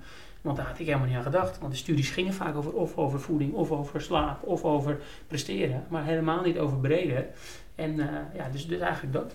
Gewoon heel, eh, ja, ik zeg heel vaak heel simpel. Helemaal geen, eh, geen rocket science. Maar ik heb ook wel eens spelers gesproken, letterlijk, die zeiden dat bij hun vorige club, nou, misschien niet in die woorden, maar eigenlijk tussen de regels door, proefde die speler, dat hij eigenlijk, eh, kreeg hij wel een beetje door vanuit de club, doe het maar liever niet, want het is niet goed voor je presteren. Hmm. En hij zei het ook, Bart, dat levert zoveel stress op voor mij. Want als ik dan de, de club tevreden wil stellen door het niet te doen, heb ik thuis, hè, die saamhorigheid gaat dan helemaal weg. Hmm. Hij zegt, en andersom, als ik het wel doe, maar de club heeft altijd een negatieve label. Dus, dus ja, Je dat, voelt je schuldig. snap je? Ja. Dat. En, en, en, en die, die, dat stressgevoel van schuld is sowieso niet goed. Ja. Dus, dus eigenlijk, ja, dat, dat is een beetje de opbouw. En, en ik ben super blij, en eh, niet om te blij te klinken, dat is ook niet goed, maar dat we het ook gewoon hierover hebben. Want ja, nogmaals, eh, de tips die jij weer net aangeeft over dat dutje. Er zijn ook spelers die hebben dan gehoord van, ja, ik denk aan dutje. Die denken van, ja, heeft helemaal geen, ik heb het één keer geprobeerd, het werkt niet. Ja, dan is het superkrachtig om, eh, dat ik het misschien meer vanuit hè, kennis vertel of ervaringen van anderen. Dat jij dat zelf zo zegt. Dat ze misschien vorig jaar het niet deden, want ze dachten, het werkt niet. Nu denk ik, ah, nou, ik ga toch maar weer eens proberen. Dus eh, Nou, ik had eh, wat over dat dutje gesproken. Ik heb sowieso heb ik altijd, eh, had ik altijd voor mezelf ehm, mijn agenda dusdanig gepland dat, dat ik zei van na de training heb ik een, eh, heb ik een tijds, eh, tijdspanne zeg maar, waarin ik geen afspraken maak. Daar heb ik eigenlijk al een afspraak. En mijn afspraak was dat het, ge- dat het gereserveerd was voor een dutje. Afspraak met jezelf. Met mezelf. Mooi. Ja. Dus na de training, ik ga maar even, eh, moet je ongeveer rekenen dat je eh, s ochtends die traint dan om eh, 10 uur, half 11. Ja, met alles erop en eraan ben je klaar rond een uurtje of half twee. Nou, dan is het voor mij tot 4 uur maak ik geen afspraken. Want ik slaap dan uur, drie kwartier, max. Max anderhalf uur. Langer dan dat, dan, want dan slaap je s'avonds, val je s'avonds niet meer in slaap. Maar maximaal anderhalf uur. Precies. En eh, voor mij was het gewoon een, een geruststelling dat ik wist van oké, Mhm. die tijdspannen plan ik helemaal niks. Geen enkele andere afspraak of bezoek of wat dan ook. Dat is voor mij, dat staat op mijn agenda vast. Dus als, als er iets tussen komt, dan kan ik dat in ieder geval niet verschuiven. Dat is belangrijk voor Mhm. mij, omdat dat geeft mij een bepaalde rust. Dat geeft mijn spieren een bepaalde rust. Dan weet ik in ieder geval, ik ben uitgerust en ik kan morgen weer het maximale van me vragen. Dus, dus je had een bepaalde vaste routine voor jezelf, wat, wat gewoon heel belangrijk voor jou was in, Ja. in je leefstijl. Ja, dat- maar dat gaf mij ook weer eh, de gedachte en de motivatie dat ik elke training weer maximaal kon gaan. Ik hoefde mezelf niet te sparen omdat ik ergens niet uitgerust was. En dat was voor mij belangrijk. Dat ik, en ik had vaak nog zelfs energie over na de training. Nou, dat dijk ik kracht ook in, zodat ik een excuus heb om straks te slapen. Want ik wilde juist kapot zijn, zodat ik juist Mhm. mijn rust kon pakken. Jezelf kosten wat kost eh, moe maken voor die... Je moest Ja. natuurlijk goed voorbereid zijn voor die afspraak met jezelf. Dus, eh, Nou, niet alleen dat, als je verder kijkt. Kijk, eh, ik, wilde me, ik wilde ook gewoon. eh, ik train zoals ik speel. Ik wil Mhm. ook dat als ik eh, aan een eh, aftrap van een wedstrijd verschijn. Dat ik van mijn lichaam kan vragen: van joh, dit niveau wordt straks gevraagd. En dat ik dan ook weet van. En dat, dan ben ik even in dialoog met mijn eigen lichaam, zeg maar. Dat ik en mijn lichaam wel op, de, op dezelfde lijn zitten. Van joh, eh, er wordt straks 110% gevraagd. En dat mijn lichaam dan ook weet: oké, Boela, geen probleem. 10%, 110% is gereserveerd voor jou. Maar niet dat het zo is dat ik elke week eh, of de trainingen op 90% train. En dan in één keer moet ik 110% gaan vragen van mijn lichaam. Ja, dan Ja. zegt mijn lichaam, "Maar wacht, wacht eens eventjes. Eh, wij spreken elke dag 90% af en nu zeg je tegen mij 110%. Dat kan natuurlijk niet. Dus ik ben altijd van mening dat je, je moet trainen zoals je speelt. In ieder geval, datgene wat je doet moet je, Mhm. maximaal, moet je maximaal doen. En het maximale van jezelf vragen. En eh, ja, en dan, daar moet je voor jezelf natuurlijk een balans in, eh, in vinden, toch? Je eigen manieren, je eigen routine. Dat, dat kan voor iedere, iedere speler weer anders zijn. Ja, nou, maar gedurende de carrière groei je naar een bepaalde routine. Eh, je probeert een aantal dingen en sommige dingen die, eh, die voelen wel prettig aan. Sommige dingen die ga je proberen, dat, nou, dat werkt dan niet. En daar voel je niet prettig bij, weet je. En zo vul je dingen aan en zo schrap je dingen van je Ja. lijstje. En dan langzamerhand kom je bij een, een, een routine wat voor jou gewoon werkt. En waar je dan ook bent, probeer je die routine eh, zo goed als mogelijk vast te houden. Ja. En en die routine is natuurlijk uiteindelijk van wat voor jou werkt. Jouw lichaam, jouw geest is voor iedereen anders. Maar die manier van denken die jij zegt, hè, dus alles eraan doen om het maximale uit jezelf te halen. Hè, rondom een training, om uiteindelijk niet een training is belangrijker dan een wedstrijd. Nee, het is even belangrijk. Juist die manier van denken, dat zie je wel, of in ieder geval zie je, klinkt heel erg. Ja, maar zie ik in ieder geval wel bij heel veel jongens die de top hebben gehaald. Ja. Eh, ik moest ook met eh, Michael Jordan zegt in Les Dance dit. Wesley Hood, ook oud eh, centrale verdediger uit de jeugdopleiding. Die heeft een keer, ehm, ehm, toen ik met hem zat, niet in een podcast, maar voor, voor een ander eh, uitleg. Die zei, Bart, ik zeg gewoon heel vaak tegen mezelf, de, de, de wedstrijd wordt gewonnen op het trainingsveld. En dan denk je, ja, echt mooi gezegd. Maar dat hoor ik ook in, in, in wat jij zegt, Boela. Dat, dat, dat idee van alles uit jezelf halen. En dan uiteindelijk, voor iedereen wordt de, uiteindelijk een routine anders. Maar die manier van denken die daaronder zit, ja, dat is volgens mij zo krachtig. En, en, en niet om die andere podcast te promoten, maar, maar ik gooi er nog een voorbeeldje uit. Ja. Jij zei op een gegeven moment in je, in je jeugdjaren, je hebt natuurlijk hier gezeten, ook bij Ajax en bij Haarlem eh, hadden we gezien. Ja. Maar jij zei op een gegeven moment dat je iemand zag die zo goed was. In die podcast hij, ging, je deed ook netjes niet zijn naam noemen, maar die was zo goed. Alleen op dat stukje had hij nog bepaalde dingen moeten, eh, moeten doen om echt profvoetballer te worden. En toen zei hij ook, ja, die heeft het uiteindelijk niet gehaald. Ja, dat vond ik ehm, mooi. Niet om, of niet mooi dat hij het niet gehaald heeft, maar wel mooi hoe je dat zei. Van, eh, ondanks dat het soms dit soort dingen, de routine is nu een beetje voor, voor sommige spelers. Ja, waarom zou ik het doen? Vind ik jou daar ook echt een, een voorbeeld van. Van iemand die echt, echt alles uit zichzelf heeft geperst. Ja. En eh, ja, Ja, dat is ook een beetje het gevaar bij talenten. eh, die zijn gezegend natuurlijk met heel veel talent en dat gaat, gaat ze dan makkelijk af. Alleen je moet beseffen van, je bent in jouw leeftijdscategorie, bij deze club ben je misschien de beste. Maar zoals jij de beste bent bij deze club, zijn er bij andere clubs ook de beste. Nou, die vormen dan samen in deze leeftijdscategorie de oranje onder de 16, onder 17, onder 18. Nou, dan denk je, oké, ik ben het mannetje. Maar leeftijdscategorie achter jou, hè, die zitten, daar zitten ook geweldige talenten. En de leeftijdscategorie achter die jongens zitten ook geweldige talenten. En die jongens die vier jaar jonger zijn, zitten ook geweldige talenten. En straks als je op het knooppunt komt van jeugd naar betaald voetbal, is leeftijd is, is geen issue meer. Dan heb je 17 verschillende leeftijdscategorieën die bij elkaar komen. Juist. En als er eentje jonger is, één jaar jonger is dan jij, maar wel beter of beter zijn best doet of het maximale eruit haalt, dan schrijf jij gewoon aan de kant. Want dan is het gewoon opstaan en plaats vergaan. Heb jij dat En- altijd beseft? Of was jij als, als jonge gast, toen kon je natuurlijk ook goed, eh, ja, je kon ook wel goed ballen natuurlijk. Ja, ik was, nou ja, weet je, ik praat niet zo heel graag over mezelf, maar hoe ik voetbal benaderde was, ehm, kijk, ik ben, eh, ik, ben, ik ben gezegend met een bepaald, bepaald talent. Nou was ik niet de allerbeste, ik was verdediger. Heel in mijn verre jeugdjaren was ik eh, aanvaller, maar goed, eh, ergens eh, tussendoor was ik omgeturnd tot, tot verdediger. Ja. Vanaf mijn dertiende. Nou, prima. Alleen ik was, ik was obsessed met voetbal. Ja. Dat, dat was mijn geluk. Ik was echt obsessed met voetbal. Vanaf kleins af aan, vanaf mijn vierde, wilde ik al op een voetbalclub. Dat mocht toen nog niet. Nou, toen ben ik gewoon een keertje naar eh Excelsior Sluis gegaan en toen eh, ben ik gewoon gaan meetrainen. En toen dachten ze van, oh, nou deze jongen kan wel wat, dus kom maar, weet je, ondanks dat je vier bent. Dus oké. Ik mocht altijd met hogere elftallen en... eh, maar ik was gewoon obsessed. Ik, het was... Dat was jouw grootste Ik heb, ik heb zegening eigenlijk. ik heb niet mijn passie gekozen. Passie heeft mij gekozen. En ik was dusdanig obsessed dat ik gewoon... Ik was niet te houden. Was ik ziek, wilde ik voetballen. Moest mijn moeder en mijn vader moesten me thuis houden. Regende het, vies weer, wilde ik voetballen. Was, was ik niet te houden. Mocht ik niet gaan trainen, omdat anders de kleren vies werden. En dan moest weer extra was draaien. En dat... Energie, rekeningen, et cetera. Dus Had je dat ook nog toen je bijvoorbeeld eh, 28 was? ja, ik was obsessed met voetbal. Je kan Je bent altijd gebleven ook als, eh, als profvoetballer. Hoe bedoel je? Dat, dat, dat je, ik kan me voorstellen dat een jonge, jonge gast van 13 met alle plezier elke dag, maar als hij ouder wordt, dat hij op een of andere manier zijn plezier in het spelletje kwijtraakt. Maar Nee, jij, jij, hebt al, jij altijd eh Nee. passie naar de, de club waar je speelde blijven rijden. Kijk, tuurlijk zijn er wel gebeurtenissen die, die het leven wat minder leuk maken. Ik bedoel, Mhm. je hebt met eh, hoe hoger je gaat spelen in de top. eh, we praten over EK's, WK's, Champions League. Ja. Eh, daar komt zoveel spanning bij kijken. Daar komt zoveel prestatiedruk bij kijken.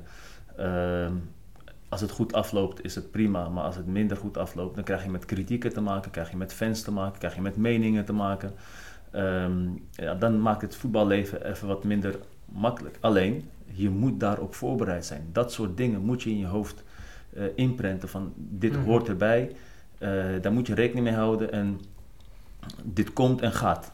Hè, vandaag ben je slecht, volgende week speel je goed. En, en zo zullen er altijd mensen zijn die mening hebben. Ik bedoel, kijk naar Cristiano Ronaldo. Er zijn nog steeds mensen die hem haten of eh, niet mogen of niet goed vinden, of, eh, want Messi is beter. Dus weet je, je kan het toch nooit goed doen voor iedereen. Dus je, moet het vooral bij jezelf zoeken. En alleen ik was dusdanig obsessief dat ik, ik was maar met één ding bezig. Ik was alleen maar bezig met, ik wil de allerbeste worden. En of ik dat nou ga halen, ja of nee, dat was niet Mhm. belangrijk. Maar mijn gedachte, dat was mijn drijfveer. Dat was elke keer wanneer ik weer die kicks aantrok en naar buiten ging. Ik wil de allerbeste worden. Ik wil de allerbeste van hier worden. Ik wil de allerbeste van mijn positie worden. Maar ik wil ook de allerbeste worden om in het Nederlands elftal te spelen. Maar ik wil ook de allerbeste worden om bij de beste van de wereld te behoren. Weet je, die gedachtegang, dat was wat, Mhm. wat mij pushte elke keer. En om dat, om dat te bereiken, was ik constant op zoek naar details wat, ik, wat mij beter kon maken. En details wat ik weg kon laten om mezelf te verbeteren. Ja. En Op, op en buiten het veld. op en buiten het veld. Weet je? En zo ben je continu op zoek van, oké, wat kan ik beter doen? Weet je? Wedstrijden analyseren. Ik speelde bijvoorbeeld een wedstrijd, speelde ik bijvoorbeeld drie keer. Eén, visualiseerde ik de wedstrijd een dag voor de wedstrijd. Dan wist ik al van, oké, wij spelen tegen, ik zeg maar wat, morgen spelen we bij München. Nou, Eh, wie lopen daar rond? Balak, Roy Makai, die en die en die en die. Ja, die speelt zo, die speelt zo, die speelt zo. Die backs komen daarop. Roy Makai, wat doet Roy Makai? Die loopt altijd in de diepte. Wanneer loopt hij in de diepte? Zodra de middenvelder open draait. Weet je, dus al die patronen, die visualiseerde ik al een dag voor de wedstrijd. Nou, dan speelde ik die wedstrijd en dan was ik al dusdanig voorbereid op, op, uh, op spelers, op acties, op uh, mogelijke acties. Uh, en dan heb ik het nog niet eens over de videobeelden die we dan als team bekeken of die ik dan nog persoonlijk extra wilde bekijken. En een dag na de wedstrijd evalueerde ik de wedstrijd weer. Dus ik, ik was zo, ja, dat kan je misschien obsess noemen, maar ik was gewoon zo gepassioneerd, zo obsessief met voetbal dat ik op die manier mee bezig was. Ja, precies. En, en, dat, dat, ja. dat, dat, stukje, wat jij nu zegt, visualiseren. Uh, vorige week gaf ik de workshop uh, visualiseren aan de onder 12. Dat is uiteraard speels, maar jij zei net ook afvlaai. En, en ik, het voorbeeldje gaf ik um, naar, naar voorbereiden. Daar is Lewandowski ook echt goed in. Is een filmpje van Nike wat erover gaat. Ja. Maar al manier van te visualiseren vooraf hij dus. Maar als voorbeeld van visualiseren achteraf had ik dus Aflaai. Die heeft een heel vet quoteje op een gegeven moment. Die zegt, na de wedstrijd slaap ik nooit goed. Want ik speel de wedstrijd nog twintig keer af in mijn hoofd. Dat doe ik dan twintig keer waarschijnlijk wat versneld. Maar eigenlijk wat hij dus met dat quoteje ook gewoon zei, was visualiseren. Dus ook die manier, natuurlijk, je hebt ge, gespeeld. En misschien goed of minder goed wat, maar wat kan ik daarna nog doen om beter te worden? Ja, dat is wat ik net bedoel met die manier van denken. Ja. En als je die manier van denken hebt, ja, dan uiteindelijk heb jij misschien niet twintig keer ja, visualiseren anderen. Dat wordt jouw routine wat voor jou werkt. Maar die, ja, die mindset om, om, om het allerbeste te willen worden en alles uit jezelf te halen. Ja, heel mooi om te horen. Hoe je dat niet alleen inderdaad van het begin dan meer over Ramadan, nu wat meer richting überhaupt leefstijl en wat je ervoor doet. Ja, dat is, ik denk dat dat een, ik wil niet zeggen vergeten factor is, maar nog wel af en toe onderschatte factor. Ja. En dan heb ik het even over het perspectief van de spelers. Hè. Misschien ook wel andere mensen, maar spelers nog wel eens. Weet je, zegt, ja, ik speel nu Oranje onder 16, ik ben nu het mannetje van, ja, weet je, wie doet mij wat? Ja, maar dat, dat, dat, is heel, dat kan je wel denken, maar dat is uh, je allergrootste valkuil. Ja. Ja. En het gaat het, kijk, uh, we hebben een quote, uh, when talent doesn't work, hoe, hoe, hoe, gaat die ook alweer? Um, ja, dat is die when talent doesn't work hard. The work hard beats talent. Work hard beats talent, precies. Ja, nou, weet je, dat is, ja, klinkt cliché, maar dat is gewoon echt zo. Er zijn gewoon voetballers die, die zo talentvol zijn, maar op het moment dat ze op het kruispunt komen om betaald voetbal te halen. Kijk, betaald voetbal wordt niet alleen talent voor je gevraagd, er wordt professionaliteit van jou gevraagd, er wordt betrouwbaarheid van jou gevraagd, er wordt mentaliteit van jou gevraagd. Dat zijn dingen die, die, als je die niet hebt, die moet je jezelf aan gaan leren. Als je dat niet wilt, kom je er niet alleen af met talent. Tuurlijk zijn er wat talentvolle spelers die hmm. dusdanig goed zijn, die zo ver boven, de, boven het gemiddelde uitgroeien, dat die in één keer doorstromen. Maar als jij alleen van jouw leeftijdscategorie de beste bent, maar jouw plaats moet verdienen in het betaald voetbal, daar is iedereen goed. Daar heeft iedereen talent. Daar is iedereen fysiek sterk. Daar is iedereen bezig geworden met uh, ik wil hogerop, ik wil beter worden, et cetera. Dus dat wil ik meegeven aan de talenten. Met alleen talent kom je er niet. Je ja. moet langzaam gaan nadenken. Als je 16, 17 bent, moet je langzaam gaan nadenken van... oké, wat wil ik in het leven? Ben ik nu gewoon een leuk voetballertje? Ben ik talentvol? En heb ik misschien een contract? Verdien ik wat paar centjes? En, nou, dat is stoer. Dat is gaaf. Dat is cool. Iedereen kijkt naar me op. Of wil ik uh, talent, maar ik wil ook echt betaald voetbal halen en ik wil carrière maken. Want kijk, dat contract wat je nu verdient, daar kan je niet zo heel veel mee. Dat gaat één of twee jaar duren en dan is het leuk. Maar daarna ben je geen uitzondering meer, want daarna heeft iedereen een contract als je in betaald voetbal komt. En dan is het de vraag van, wat ben jij dan? Wat wil jij zijn? Hoe wil je dat mensen naar je kijken? Hoe wil je dat de omgeving naar jou kijkt? Wil je nog steeds dat talentje zijn die je leuk kan voetballen en ja, want kijk, in de, jeugd, in de jeugdjaren is het makkelijker om, om een talent te zijn. Maar betaald voetbal is alles al gefilterd. Daar, daar, daar stromen de beste uh, van, van, die, uh, van de jeugd door. Precies. En dan kom je in een ander vaarwater terecht. Dus dan wordt het verschil al wat kleiner. Ja. Maar ja, hoe kan jij dan het verschil maken met, met, met die anderen? En op het einde van een podcast vragen wij ook altijd de gast om een tip. Ja. Nou, in dit geval uh, misschien aan, aan bijvoorbeeld aan jonge luisteraars. Nou, die heb jij nu eigenlijk al gegeven natuurlijk. Is dit ook die mindset waar we het nu over hebben? Is dit iets wat jij als trainer vooral ook wil meegeven aan die, aan die jonge talenten waarmee je dan werkt? Is Is, dat iets wat jou uh, daarin drijft? Ja, zeker. Omdat ik vind dat um, als je voetbal speelt, nou, ik ga ervan uit dat deze jongens hier zijn omdat ze hier willen zijn, niet omdat ze hier moeten zijn. Het wordt hier niet verplicht om hier te zijn. Het zal misschien soms zwaar zijn, zo'n lange dag. Zoals jij die vroeger ook gemaakt hebt. Ja, maar ik kan je garanderen dat mhm. eh, als jij topvoetbal wil gaan spelen, of laten we beginnen met betaald voetbal gaan spelen, dan zal het niet altijd even leuk zijn. En denk maar niet dat het profvoetbal, met alles wat erbij komt kijken, dat het altijd even leuk is. Men ziet de mooie spullen, de mooie kleren, de horloges, de auto's, uh, het, het, het, het, leuk leven. Maar achter de schermen is het niet altijd leuk. Want achter de schermen is het hard werken. Achter de schermen is het incasseren. Achter de schermen is het met kritiek omgaan. Achter de schermen is het hoe ga ik met mijn slechte, met, mijn, met mijn vormdip, hoe ga ik daarmee om? Ehm, uh, hoe ga ik met de keuzes van de trainer om, die niet in, niet in mij ziet zitten? Uh, hoe vecht ik terug? Uh, hoe, hoe verover ik weer mijn basisplaats terug die ik verloren ben? Ehm, hoe, hoe, hoe, ga ik met mijn blessure om? Eh, ben ik drie, vier maanden uit, uit de relatie? Hoe ga ik daarmee om? Dit zijn allemaal factoren, aspecten die spelen allemaal mee in het, het, het professional zijn. Dus daarom zeg ik, talent is leuk. Dat telt even voor het voor het moment dat je in de jeugd voetbalt. Maar daarna kan je dat allemaal vergeten. Kan je dat zo de prullenbak ingooien en daarna telt het allemaal niet meer. Betrouwbaarheid. Een trainer wil een speler die die kan vertrouwen, die elke keer weer presteert, die die loopjes maakt, die hard werkt. Dat is misschien als trainer nog wel belangrijker om over te brengen dan die ene technische actie bijvoorbeeld. Ja, want vaak is het. Tuurlijk, er zijn spelers die het verschil kunnen maken in balbezit. Maar het verschil wordt gemaakt, zowel positief als negatief, in balverlies blijf jij compact. Als team zijnde, als individu help jij je team om compact te blijven, om het tegenstander moeilijk te maken om te scoren, waardoor je de wedstrijd wint. Of laat jij je man lopen en, eh, en je benadeelt je team en je verliest 1-0. Ondanks dat jij een talent bent, die aan de bal heel veel mooie dingen kan doen. Ja, ja. heel vrij. Ik, uh, ja, heel vrij. Ja, ik, wil, ik wil niet altijd het laatste woord hebben natuurlijk, maar het doet, dit moet mij weer denken aan, uh, aan Kobe Bryant die op een gegeven moment zegt: Ik wil los wat hij uiteindelijk alles heeft bereikt. Die heeft één heel vet quoteje en dan zegt hij: Ik wil niet alleen dat mensen mij zien door mijn natural abilities, wat jij ook zegt, dat, dat, dat gegeven talent. Hij zegt: Nee, ik wil dat mensen mij zien uh, als iemand die alles uit de sinaasappel heeft geperst. En dan denk je van: hè, wat doet hij met alles uit de sinaasappel? Nou ja, precies dit. Wat jij net zegt, alles eruit. En dat is niet vaak zichtbaar, omdat media, maar ook andere mensen kijken of naar de successen of naar de auto's en de dingetjes als het een keer niet goed gaat. Maar die onderkant van de ijsberg, die zo belangrijk is van eigenlijk de, de, de, de toppers die ik gesproken heb, qua Nederlands elftal, qua uh, grote clubs.